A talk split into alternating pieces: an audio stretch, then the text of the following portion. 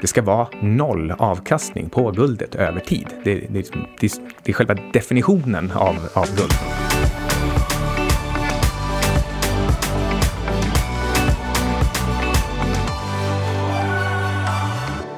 Hej, du lyssnar på Outsiders. Med Syding och Svan och ingen mindre än Alexander Marton.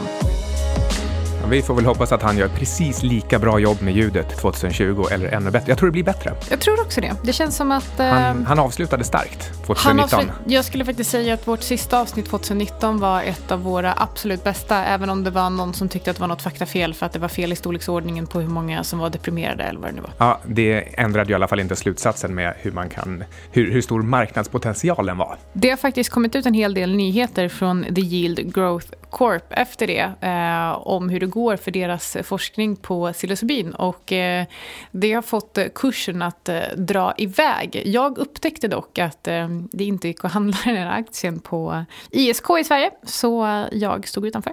Ja, det är så, sånt som kan hända men det är ändå trevligt att det händer någonting på det där området tycker jag. Vi har ju tagit en liten paus på ett par veckor. Men eh, nu är vi tillbaka. Och nu är vi tillbaka och nu kommer även insiders skickas ut igen. Det här blir andra veckan efter vår lilla två veckors paus. Eh, det är ju nämligen så att eh, podden och eh, livet och allt som händer genomgår en förändring. Så vi behövde lite tid att eh, samla våra tankar och kunna utveckla det här till något ännu bättre. Så idag ska vi eh, prata om någonting som jag tror kanske kanske, eh, kanske förvånar flera stycken. Vi ska prata om eh, hur en recession inte eh, kommer leda till en börskrasch, tror jag. Och varför jag är positivt inställd till den svenska kronan, korsetaket. Mm, och då kommer vi gå igenom varför kronan redan har blivit lite stark, varför den kan bli ännu starkare och vad det kan få för konsekvenser. Och sen är det klart att det blir alltid någonting lite om guld. Det är svårt att ignorera i det här läget. Framförallt nu efter efter Iran och USA-konflikten. Jag har tweetat hej vilt eh, om min analys kring läget. En grej som jag noterade under 2019, och jag är knappast ensam om det, det är den här multipelexpansionen. Du har ju också pratat om den. Och eh, för just Standard Poor 500 så steg alltså vinsterna med 2% men indexet med 30% Så på, liksom, utan att man har någon egen åsikt här så blev det alltså 28% dyrare eh, som bara fakta, 28 procent dyrare under året. Och frågan är, hur sunt är det? Jag trodde du skulle fråga hur länge kommer det fortgå, men eh, det får vi fråga Fed, för så länge de eh, trycker pengar och eh, skjuter in likviditet i marknaden så kommer priserna att fortsätta stiga. Och det är också det här vi menar med recession utan börskrasch. Det, det slog mig häromdagen att det är faktiskt annorlunda nu. Och ehm, det har ingenting att göra med att det kommer bli enkelt att köpa sunda bolag. Tvärtom så får nog alla värdeinvesterare bara blunda och liksom hålla sig i. För det är precis som du säger, vinsterna har nedjusterats och hamnade på plus 2 samtidigt som kurserna gick upp eh, över, eller ja, cirka 30% Och när det kommer till att titta på 2020, jag tror inte att eh, aktiemarknaden kommer att falla. Tvärtom, jag tror att eh, det kommer bli ett ganska starkt år. Och jag tycker att de här första dagarnas reaktion på Iran och USA-konflikten också vittnar om det. Och det är faktiskt precis samma sak som vi ser i guld. Vi ser eh, på guldpriset där ser vi liksom en kortsiktig positiv effekt. Men anledningen till att jag tror att guldpriset kommer ligga kvar där det ligger idag och fortsätta uppåt är för att vi ser de här monetära stimulanserna. Och anledningen till att aktiepriserna bara faller kortsiktigt på den här geopolitiska oron är också det. Det är liksom marknadssentimentet är för starkt på grund av att Fed trycker så mycket pengar, eh, inte bara Fed men världens centralbanker.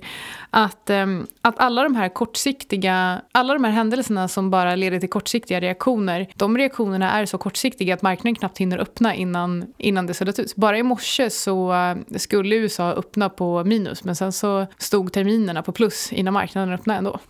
Vi har ju pratat flera gånger om att eh, ett av våra huvudscenarier för marknaden är att det blir en eh, sidledig rörelse med stora slag upp och ner. Nästan som om man hade konjunkturcykler eller börscykler som var mycket, mycket kortare än normalt. Och eh, jag tror att det kommer intensifieras. Så att om vi, om vi minns hur det slutade 2018 med liksom nästan en liten minikrasch och sen har vi fått se liksom en, en rejäl meltup hela 2019 jag tror att vi kommer få se mer av samma saker och oftare.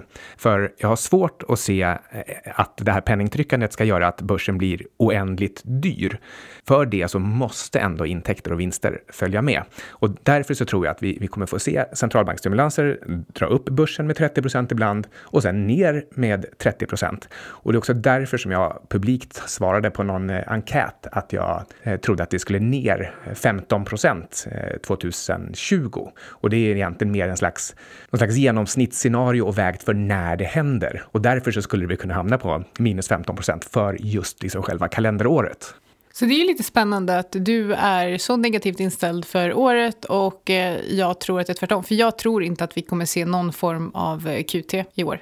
Eh, QT? Nej, nej, nej, nej eh, verkligen inte. Tror inte jag heller. Jag tror Men... att vi kommer se fortsatta stimulanser. Ja. Eh, och eh, jag vet att Fed säger att det här bara ska pågå nu under ett par månader. De kommer annars... sänka räntan också. Ja, ja, de kommer sänka räntan. Och vi kommer in för att vi skulle ju prata lite om varför vi är positivt inställda till den svenska kronan. Eller i alla fall jag på typ 3 till 6 månaders sikt.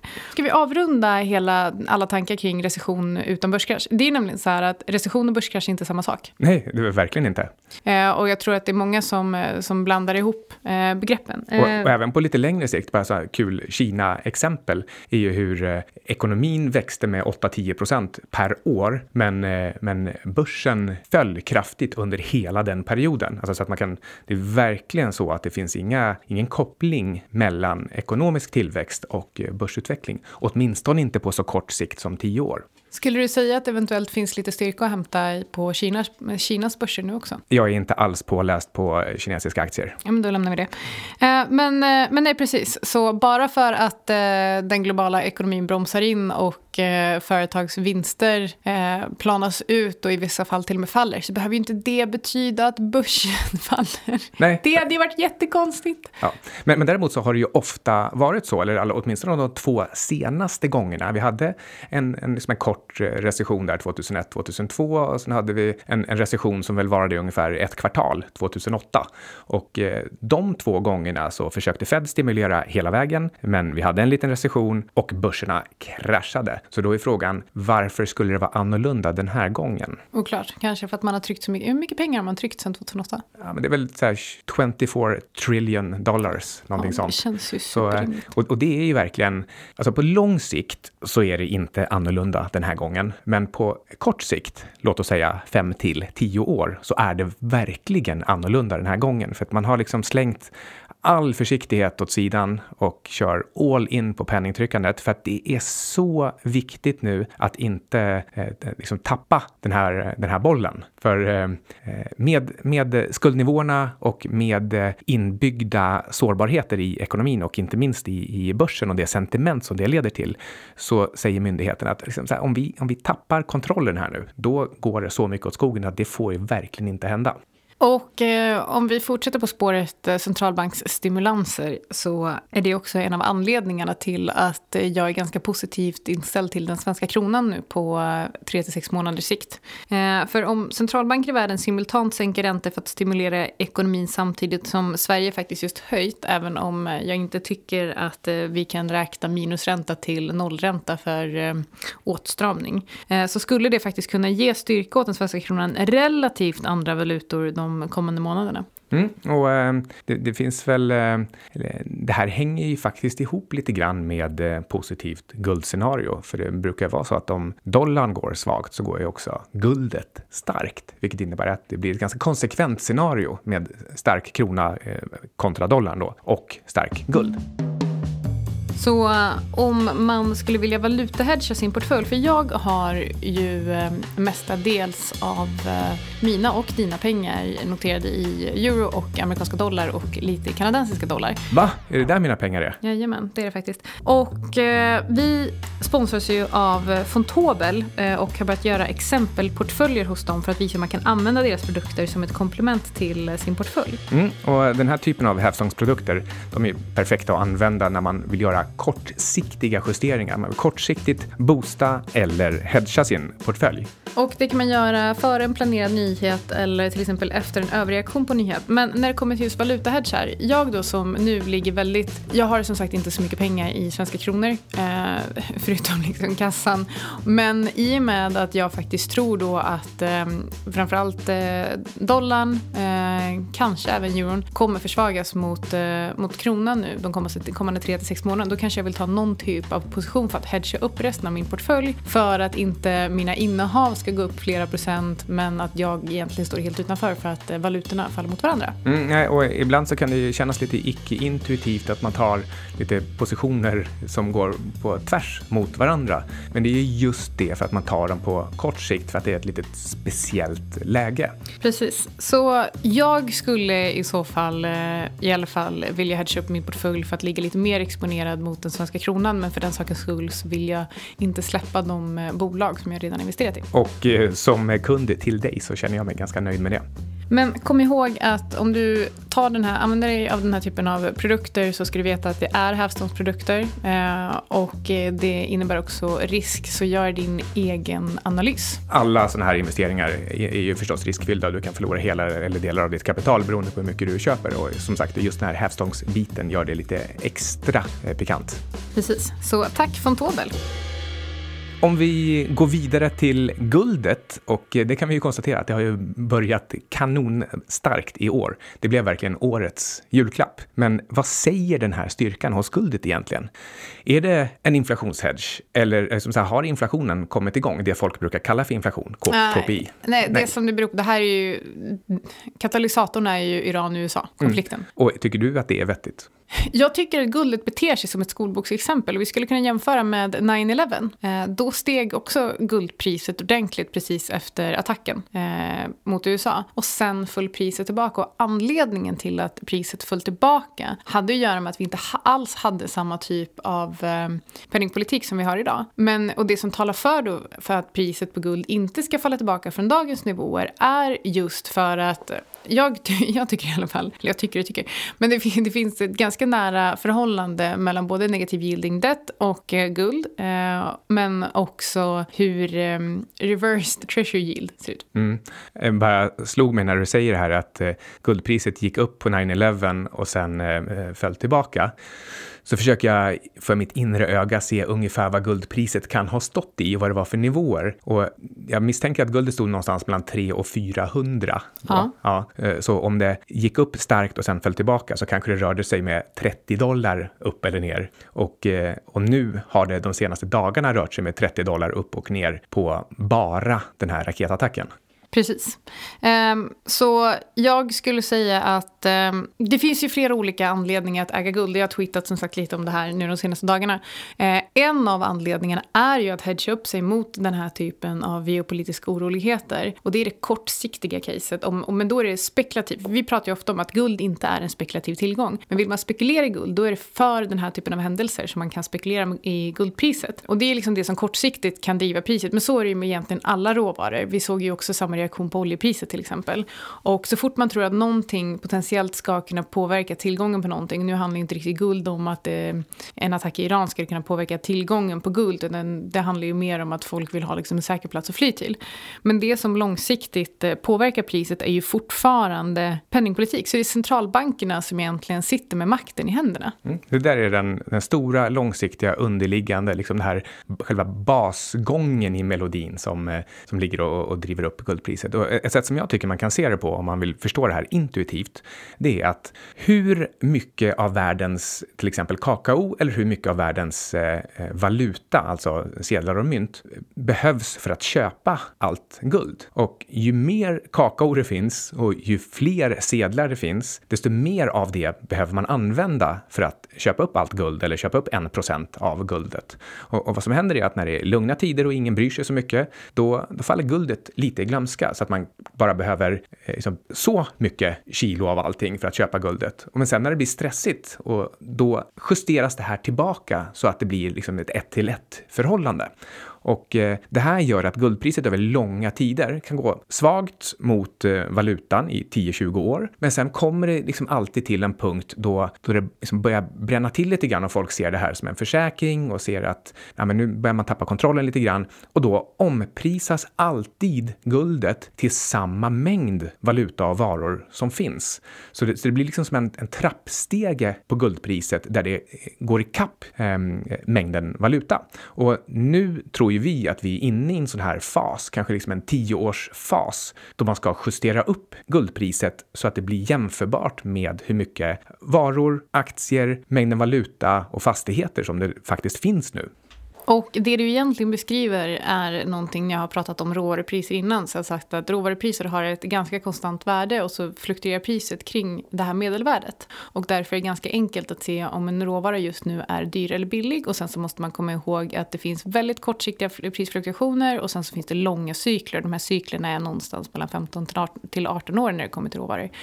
Och det som du säger är egentligen detsamma för guld. Ja, nej men eh, eh, precis. Det, det handlar ju bara om att det är ett konstant värde och sen är, gör mängden valuta att, att det här fluktuerar fram och tillbaka. Precis, och det är det, det är det, som blir så himla knepigt med egentligen tillgångsinflation. För det blir extremt svårt att läsa ut det riktiga värdet och vet man inte riktigt vad man gör eh, eller kanske inte riktigt förstår mekani eh, mekan mekanismerna bakom.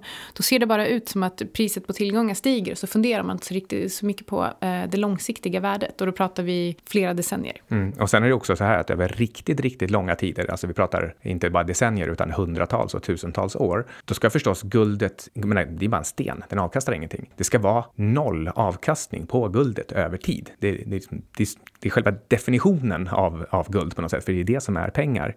Men det gör att om man gör en lite för ytlig analys och tittar till exempel på hur avkastande tillgångar utvecklas över lång tid och så tittar man på guld som är en icke-avkastande fix tillgång, ja, då är det klart att man ser att det inte, inte ger någon avkastning. Men då gör man ju fortfarande felslutet om man inte förstår att under vissa tioårsperioder när guldet har halkat efter extra mycket, då är det snart dags för den här justeringen så att guldet kommer upp till nollan igen. Det är, liksom, det, är det som är själva analysen. Det ska alltid upp till nollan förr eller senare. Det är lite som Ingves och eh, Sveriges ränta. ja, upp till nollan. Det är det, är det nya svarta. Det slog mig nu, eh, när man tittar på eh, aktiekurser, för, eller för, om man tittar på index långt bak i tiden, eh, så brukar man titta på det inflationsjusterat. Men vad händer om man tittar på typ S&P bak till 1800-talet tycker folk att det är kul att dra den. Eh, vad händer om man drar bak till 1800-talet och förutom att man tittar inflationsjusterat också eh, lägger till eh, hur mycket den amerikanska dollarns köpkraft har försämrats? Ja, eh, blir inte det samma sak på något sätt? Eller hur? Jag är lite osäker på hur du tänker. Jag, alltså jag vet ju att det reala uppgången på cirka 200 år, den, den är 6 till 7 procent per år för Standard Poor. Det är liksom den totala avkastningen avkastningen man har fått eh, justerat för inflationen. Ehm, och den inflation som ligger i den beräkningen, det tror jag är helt enkelt köpkraftsförsämringen ja, det det. för dollarn. Mm. Och det är liksom att den har tappat 99 procent i köpkraft. Ja, exakt. Ja, nej, men då så. Snyggt. Jag tänkte säga en sak om eh, det här med, med guld och dollar och styrka på kronor och sådär. En, en lite kul grej är att eh, guldpriset i dollar, det gick ju just här i dagarna genom till sex års högsta. Och, eh, och då dollarn, eller säga, guldet ska ju gå svagt när dollarn är stark. Och ändå så är det så att i kronor så har alltså dollarn gått från 6,40 till nu då 9,40 och det är ändå ner från 10 kronor. Så från 6,40 till, till 9,40, det är upp 40-50 procent starkare dollar samtidigt som eh, eh, själva priset i dollar alltså har gått till sex års högsta. Så eh, det är lite av en anomali, i alla fall sett ur ett svenskt perspektiv. Man har fått oerhört mycket avkastning i kronor under just den här sexårsperioden. Ja, verkligen. Det, då kan vi väl ta upp igen det här med att folk kritiserar mig när jag säger att om du är svensk och har alla dina pengar i Sverige då ska du kolla på guldpriset, hur det utvecklats i svenska kronor. Då tycker folk att jag är oärlig. Men då så tittar de gärna på OMX i, räknat i kronor istället för i dollar. Ja, exakt. Outsiders är denna vecka sponsrat av Aselio och vi träffade företaget den 15 januari för en kort kommentar på den senaste tidens utveckling för bolaget. Hej Jonas! Det jag framför allt undrar, och eh, våra lyssnare också, det är ett antal eh, osäkerhetsfaktorer för Aselio. Eh, det vill säga, var någonstans ligger egentligen osäkerheten när det gäller teknik, kostnader, efterfrågan, konkurrens och, och kanske också timeline för hur de här sakerna ska klaras av? Och just nu så kanske det här lite mer aktuella eh, med olika memorandum of understandings. Hur funkar de egentligen och var, eh, vad är det för kvalitet på ett MOU när det gäller att översätta det till intäkter sen? Ehm, men vi, vi, kan börja med, ehm, eh, ni håller ju på och bygger upp en grund för kommersialisering. Kan du berätta lite om det? Ja, precis. Och en, en stor del är det givetvis att utveckla produkten i sig, där vi nu är inne i det här verifieringsstadiet på den utvecklade teknologin. Men det som är väldigt speciellt med Acelu, det är att vi ju samtidigt har ju byggt upp hela det industriella backbonet med supply chain, underleverantörer, stor del underleverantörer från den globala automotiveindustrin, vår egen eh, sammansättningskapacitet i vår fabrik i Uddevalla där vi har byggt om eh, monteringslinar från Volvo Cars och vårt samarbete med AQ Systems då som eh, sätter samman vårt lager. Så vi har ju alltså hela delen från att ta fram komponenter till att leverera ut det kompletta systemet. Hur mycket skulle ni teoretiskt kunna tillverka eh, 2020 och hur snabbt kan det här rampas upp 2021? Ja, den teoretiska produktionskapaciteten per idag, om man bortser från att eh, systemet och produktionsmetoderna inte är totalt anpassade, det är ju 23 000 moduler om året. Eh, nu kommer vi ju göra några få moduler i år och sen påbörjar vi en industriell volymproduktion nästa år där vi ska göra då 1500 moduler motsvarande 20 megawatt eh, nästa år. Då. Jag har ju summerat eh, de här fem olika memorandum of understanding som ni har gjort och det, det summerar till nästan 14 000 enheter i eh, MOU. Och eh, de, här, de här rampas ju ganska snabbt från eh, bara några enstaka moduler under 2020 till eh, eh tusentals 2021. Ja, och det är ju det jobbet vi gör i år. Vi har ju utvecklat systemet och eh, satt det i drift eh, både i Åmål och i Marocko. Eh, och det vi gör nu under 2020 det är att vi egentligen omvandlar produktionsmetoderna, hur systemet, systemets komponenter tas fram. Just nu görs ju många komponenter i systemet med metoder där man, kan, där man gör enstycks. Och till 2021 så har vi ju vridit de här metoderna så att man använder volymproduktionsmetoder och använder verktygsbunden eh, produktion för att ta fram komponenterna. Och det här är väl ganska typiskt för eh, avancerad verkstad, att du måste utveckla eh, verktygen och förfina metoderna först innan man kan vrida på volymknappen. Ja, för att när man tar beslutet om eh, produktionsmetoderna så tar man ju också en investering i produktionsprocesser och i produktionsverktyg. Eh, och, och det vill man ju inte göra förrän man eh, har alla komponenter hänger samman. För att eh, gör de en komponent för att anpassa den till, eh, till en annan produktionsmetod, ja då får ju det genomslag på att en, ytterligare en annan behöver förändras som i sin tur förändrar ytterligare en. Så det blir ju som ett dominospel. Eh, även om varje förändring kanske är väldigt, väldigt liten så måste ju alla tusentals komponenter vridas för att bli en fullt industrialiserat system. Men det, det här är ju som eh, produktionsmetod eh, 1A, liksom. det, det är så man gör. Det är så man bygger bygger alla tekniska system. Eh, och vi använder oss av egentligen samma sätt som när man, eh, man bygger fordon eller bygger bilar. Hur ser egentligen tågordningen ut för de här MOU-erna? De, de ser ju fantastiskt stora ut. Om jag summerar dem så kommer jag upp till att det redan finns avsiktsförklaringar på ungefär 9 miljarder för de kommande fyra åren. Och eh, hur gör kunden när de rullar ut det här? Vad är det för kriterier som, som de har för att eh, eh gå i land med eh, sin avsiktsförklaring? Ja, all, allt kundintresse som vi har utvärderat och kvalificerat att, att vi ska jobba med dem, det utgår ju från att kunden redan idag bygger projekt i de här storleksordningarna och, och har ett väldigt konkret behov av vår utrustning. Eh, så för kunderna så är ju det här mer business as usual kan man nog säga. Eh, Ganska typiska eh, normalprojekt i, i vissa fall. Eh, och det är klart att det blir rätt stora pengar när du lägger på kompletta system för att generera el dygnet runt. Eh, men i, eh, i sammansättning hos oss, i produktion, hos våra underleverantörer och i leverans eh, så är det ju de volymer vi har planerat för och, och förberett oss för. Hur hänger MOU ihop med det här verifieringsprojektet i, i Marocko? Ja, i grunden så är ju verifieringsprojektet är ju för att skapa data som våra kunder kan använda för att gå till sina finansiärer med. Eh, det är ju alltså in, inte ett sätt att bevisa funkar, funkar inte, utan det är ju för att skapa data tillräckligt för att, eh, att eh, kunderna kan få sina projekt finansierade. Eh, och hur mycket data som behövs för ett enskilt projekt, det beror ju på projektets storlek. Eh, så de här små projekten som ska byggas under 2020, det behövs ju typiskt eh, några månaders eh, kördata från verifieringsprojektet. Eh, ska man bygga ett projekt på, på någon megawatt eller en halv megawatt, ja då kanske det behövs sex månader. Ska det behöva byggas många megawatt, ja då behövs säkert 12 månaders verifieringsdata. Eh, och så att det är alltså beroende av, av projektstorleken. Det största projektet här det är Biodaico med 120 megawatt och det, det kan ju vara 5-6 miljarder i, i ordervärde i slutändan. Eh, då kan jag tänka mig att det, det, rör sig om att de behöver 12 månaders data för att övertyga sina finansiärer. Är det, är det så det hänger ihop? Ja, det är ju inte...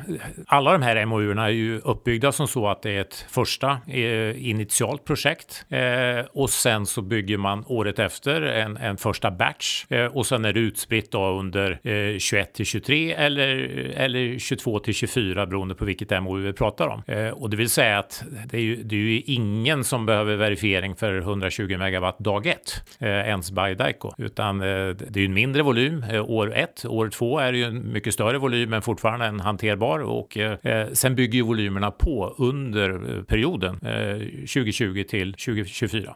Finns det någon koppling mellan eh, när det har kommit fram mer data från det här verifieringsprojektet och hur eh, många eller snabbt man kan se fler avsiktsförklaringar? Eller eh, ligger, ligger eh, försäljningsprocessen helt separat från verifieringen? Alltså, verifieringsdata är kan man säga en hygienfaktor. Det är någonting som bara måste finnas för att du ska kunna sälja en teknologi. Eh, sen bygger ju kommersiell framgång eh, bygger ju på att man har kommersiell framgång.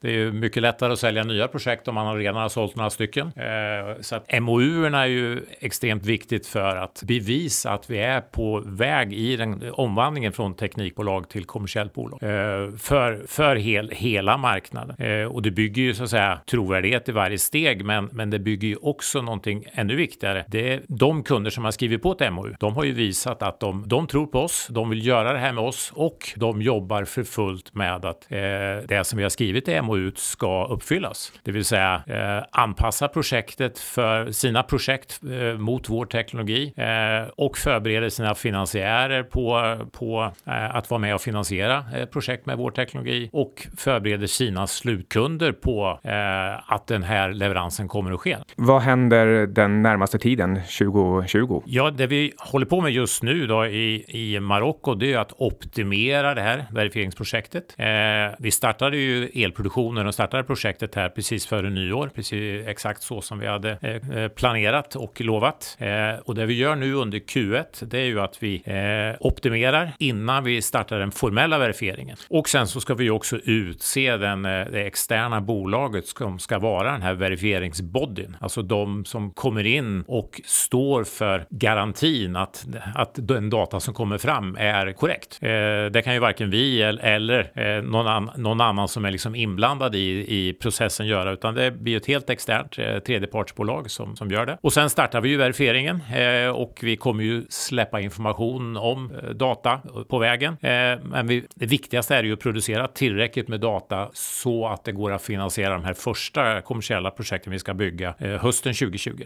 En sak som jag tycker eh, och jag förstår att det är lite svårt att ta till sig, det är att om man nu räknar ihop de här MOUerna och så är det ungefär 9 miljarders värde eh, och sen säger ni också att eh, eh, ni siktar långsiktigt på minst 15 procents ebit-marginal.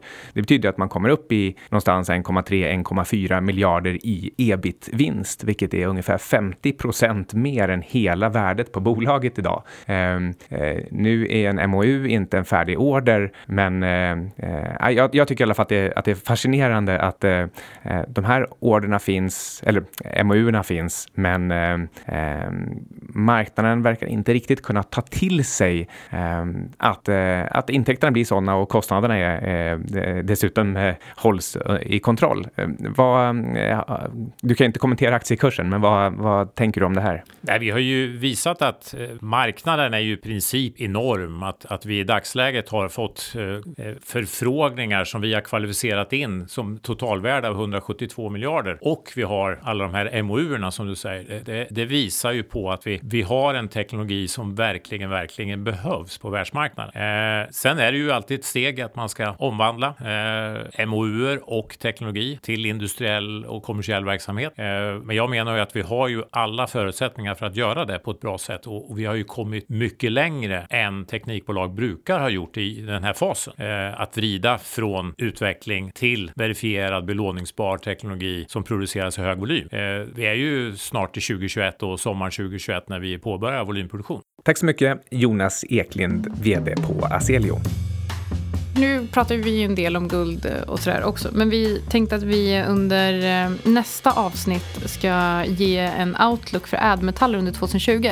Ett av mina favoritcase under 2019 var ju palladium. Och eh, där är det ju svårt att hävda att jag har haft fel. Mm, det har ju rusat rejält och blivit lite det, det, nya platina, det nya guld. Och platina har ju gått väldigt svagt under tiden och egentligen så är väl platina och palladium används till samma saker. Ja, och den stora skillnaden är ju att det ena är en dieselkatalysator, och den andra en bensinkatalysator. Och efter dieselskandalen eh, så, så sjönk efterfrågan på dieselbilar så mycket att eh, palladium som då används som katalysator i bensinmotorer fick, eh, fick en ny skjuts uppåt. Och sen som man tittar på att då, precis som du sa, att ekonomin i Kina växer. Eh, och även om bilindustrin, även om eh, efterfrågan på bilar minskar och man inte tillverkar lika mycket bilar så krävs det mer och mer palladium för att eh, rena avgaserna. Så att även om eh, antalet bilar blir färre så kommer efterfrågan på palladium att fortsätta stiga ett tag. Men eh, det här när det kommer till recession utan börskrasch, det innebär ju också att för, om det faktiskt är så att eh, företagen i sig har, får fallande vinster, produktionen går ner och så vidare, då kommer det, även om det inte leder till att aktiepriserna faller, så ska man vara väldigt försiktig när det kommer till industrimetaller och palladium är en industrimetall. Och sen som en sekundär effekt av det, när vi pratar TINA och att det inte finns några alternativ till aktier och nu, nu har ju marknaden verkligen gradvis lärt sig det här igen och igen. Du ska köpa dipparna. Det spelar ingen roll om det är dyrt. Det spelar ingen roll om vinsterna står still och, och, och börsen går upp 30 procent. Det är på något sätt ändå liksom aktier man ska in i. Då, om vi får den här recessionen och det rent liksom efterfrågemässigt, supply demand, gör att priset på industrimetaller faller, ja, då blir det också till lägre kostnader i företagen, vilket faktiskt ger ger en kudde till vinstmarginalen och då kanske vi faktiskt i en recession kan få se stigande vinster. Alltså fan trot, men det i alla fall blir mindre fallande vinster. Precis. Och vi kommer göra en mer djupgående analys av eh, ädel och industrimetaller i eh, nästa avsnitt. Men det här var bara en liten försmak på det. Sen eh, om man bara ska prata lite mer recession utan börskrasch så eh, jordbruksråvaror är fortfarande billiga, finns inte så mycket nedsida. Och eh, för dem kan det nog bli ett riktigt, riktigt bra årtionde tror jag. Mm. Undrar verkligen, alltså när vi pratar det här med hur kronan kan utveckla sig och eh, valutor och guld generellt. Var tar inflationen egentligen vägen? Alltså hur kan det tryckas trillions av dollar och vi inte får se någon uppgång i, i KPI. Varför stiger inte priserna på saker? För att de priser som stiger är på tillgångar och förr eller senare kommer folk börja plocka ut de här pengarna, sälja av för att använda det här kapitalet. Och då kommer vi se den här catch-up-effekten när vi går från tillgångsinflation till konsumentprisinflation. Och, och den analysen, den är ju verkligen eh, byggd på att det är inte annorlunda den här gången heller. Det är bara att dröjt lite längre tid och det, det är för att myndigheterna har gått helt bananas bananas med sitt magic money tree, alltså att man kan trycka hur mycket pengar som helst så länge man investerar det i eh, eh stimuli och i eh, kanske infrastrukturprojekt. Allt, om, om man investerar i någonting som faktiskt avkastar någonting, då är det okej okay för staten att trycka hur mycket pengar som helst, så länge inte KPI stiger. Men en, en liten spaning som Pippa Malmgren har gjort, det är att det faktiskt finns en grej som kanske är helt och hållet annorlunda den här gången.